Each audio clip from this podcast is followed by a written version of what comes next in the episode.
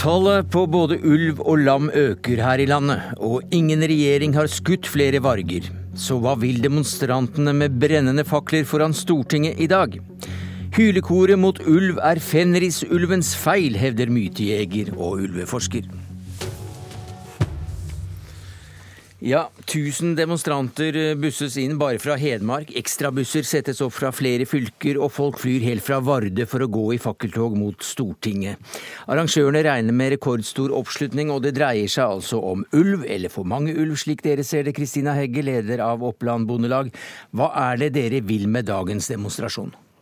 Vi ønsker å få fokus på den manglende forvaltninga som er av ulv her i Norge. Vi ønsker å få regjeringen til å sørge for at vi kommer ned på bestandsmål av ulv. Ja, Hva vil det si? Det vil si fire til seks ynglinger i året som er vedtatt. Og i dag så har vi Vi har mer enn det. Nå var det 4,5 på siste, siste telling, men det er jo ikke brått ferdig ennå i vinter. I fjor vinter var det 10,5 yngling.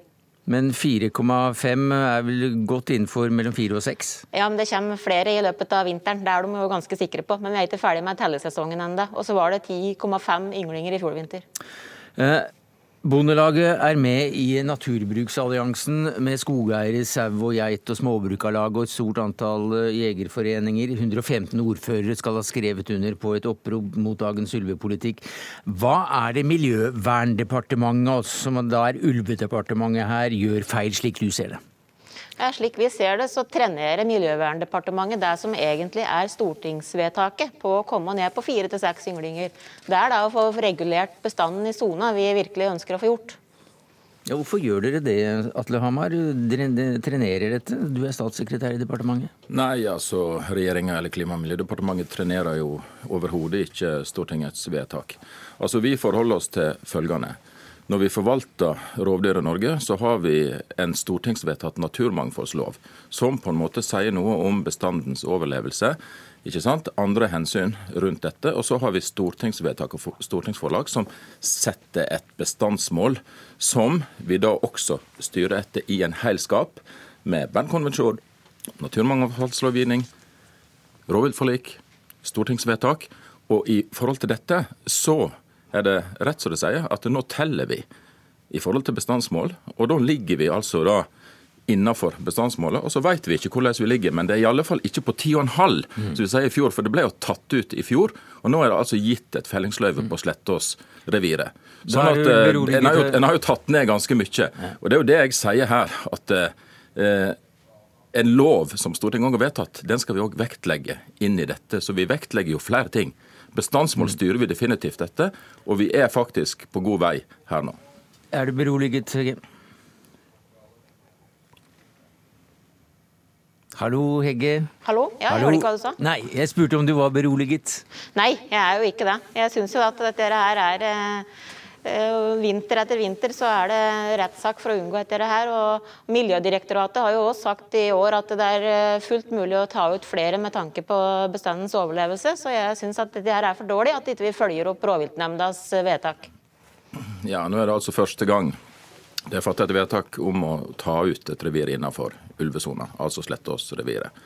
Slik at det, i forbindelse med at vi har tatt ut over 40 ulv i 2018, 29 ikke sant, på de vedtatte lisensene, og deretter skadefelling, gjør at det faktisk er tatt ut mer ulv enn noen gang. Og Like fullt så kritiserer Naturbruksalliansen og Bondelaget at vi ikke gjør noe, at vi går på tvers av Stortingets vilje. Det gjør vi jo ikke. Vi følger jo Stortingets lovgivning, og vi styrer da etter de andre kriteriene, der bestandsmålet er ett av de. Slik at uh, denne kritikken her, den feller på sin egen grunn. Og jeg tenker jo det at uh, Når vi har fattet et vedtak der vi har en balanse mellom å ivareta genetikk, bestandens overlevelse, og vi samtidig tar ut et ganske høyt antall dyr, så er det jo faktisk slik at vi følger Stortinget. Mm. Faktisk til punkt og prikke. Hegge. Grunnen til at det tar ut mange dyr nå, er, har gjort i forhold til det vi har gjort før, er jo fordi at bestanden har økt så voldsomt. De formerer seg jo veldig. Så det tallet på ulv øker jo veldig i Norge i forhold til det vi har. Vi har jo ikke hatt så mye ulv i moderne tid som vi har nå. Men du hører jo Hamar si her at eh, de følger jo stortingsvedtaket til punkt og prikke. Det er jeg overhodet ikke enig i, og det er jo mange med meg som ikke er enig i det. Det blir mange som skal inn til byen i dag for å vise sin misnøye med dette her.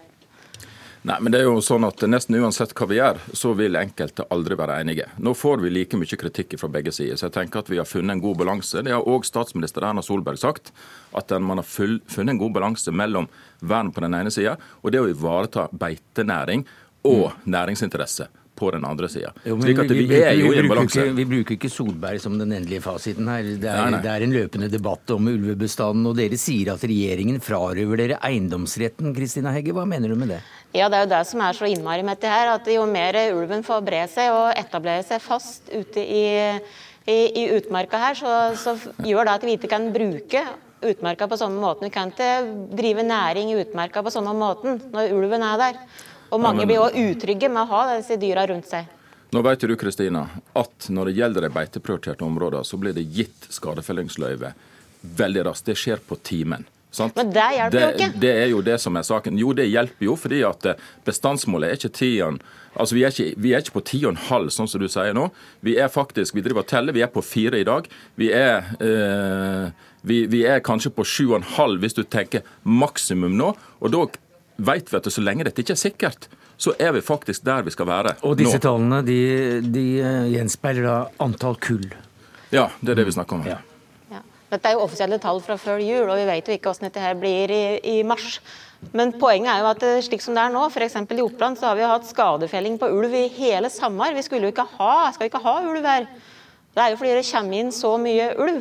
Og det er fordi at, blant annet fordi at ulvesona er så overoppfylt at det er ikke mulig å stoppe opp der for en ulv. Den tør ikke å gå innom der når den kommer fra Sverige. Ja, så har jo denne regjeringen da nettopp tatt ut mest ulv på årevis i 2018. slik at det er jo tatt ut over 40 individer. Når du sier tatt ut, så er det skutt? ikke skutt? Skutt, ja. ja. Sant? Det er gjort både med lisensfelling og med skadefelling. slik at uh, dette blir fulgt opp av forvaltningen hvert eneste minutt omtrent uh, daglig. Så ingen regjering i moderne tid har tatt ut flere ulv. Er du ikke fornøyd med det, Hegge?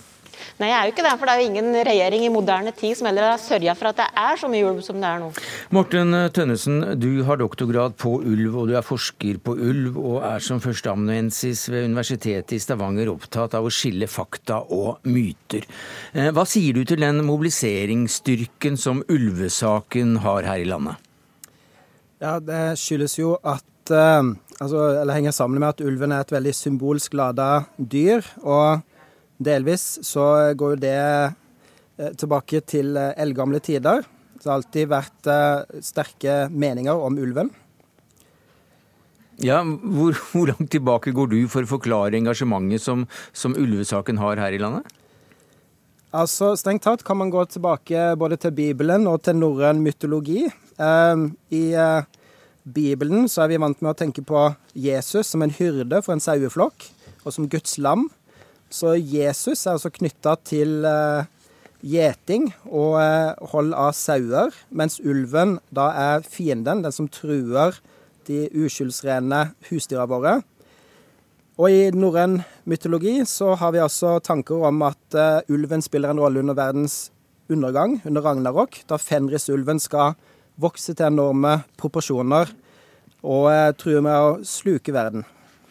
Men uh, dette med, med, ulv i Norge i dag skriver du også i boka 'Ulvetider', der du er medforfatter. Det er ikke ulv som tar ut, for å bruke det ordet, flest sauer eh, her i landet som, eh, som, på, som beiter i utmarka. Det er helt, helt andre årsaker til at sauer dør. Forklar. Ja, eh, altså der kan man absolutt si at uh, ulvens rolle har blitt blåst opp veldig mye i mediebildet og i debatten. Fordi eh, alle de fire store norske rovpattedyra eh, tar noe sau, men over tid så tar både jerv og gaupe mer enn det ulven gjør. Eh, og likevel er det langt mindre strid om de andre rovdyra.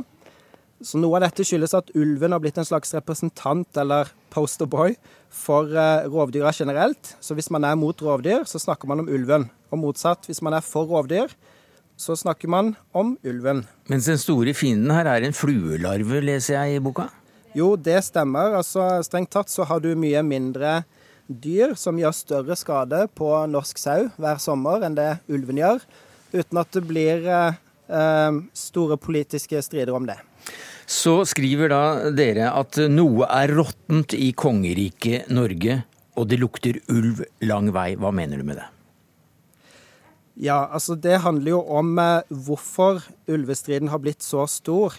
For den er på en måte blåst opp i forhold til ulvens reelle betydning i norsk natur.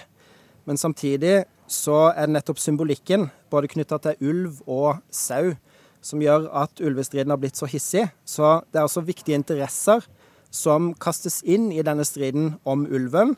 Og Det handler jo bl.a. om eh, hvordan eh, norsk natur og norsk utmark skal brukes. Og Det handler om eh, natursyn som står i strid med hverandre. Vern mot bruk. Ja, Så da er eh, deres anbefaling eller utfordring til eh, politikere og interesseorganisasjoner hva?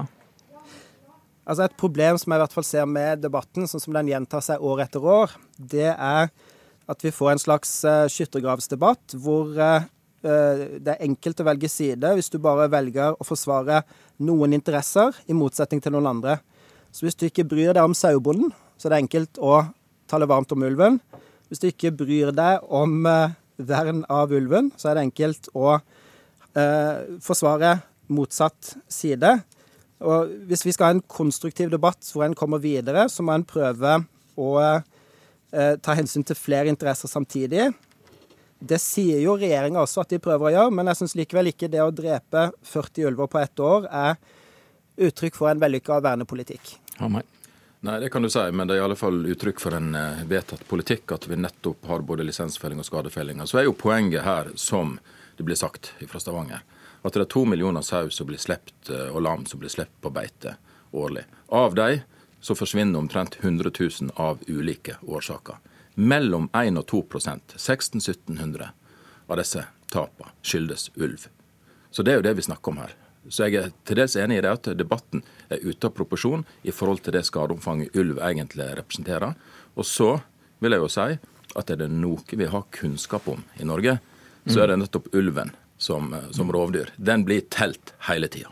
Hegge, er dette tall du går god for? 1-2 eh, tas eh, av ulv av de som forsvinner i utmarka?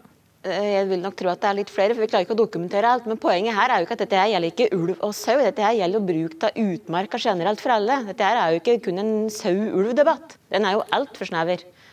Det gjelder jo alle andre som skal bruke utmark òg, ikke, ikke bare sau. Ja, men Det er jo nettopp derfor vi har beiteprioriterte områder i Norge, og så har vi rovdyrprioriterte områder. og Dette er jo forvalta på beste måte og helt i samsvar med Stortingets vedtak. Men det funker jo ikke. Eh, vi ser jo det. Eh, som jeg sier, i Oppland vi er jo beiteprioritert område. Vi har 70% av de skadefellingspengene vi har i Oppland, har vi brukt på uttak av ulv i hele sommer. Hele sommer har vi hatt eh, skadefelling på ulv. Ja, nettopp. Og du har fått de vedtakene som har vært nødvendige for ja, å regulere etter, etter bestandsmål.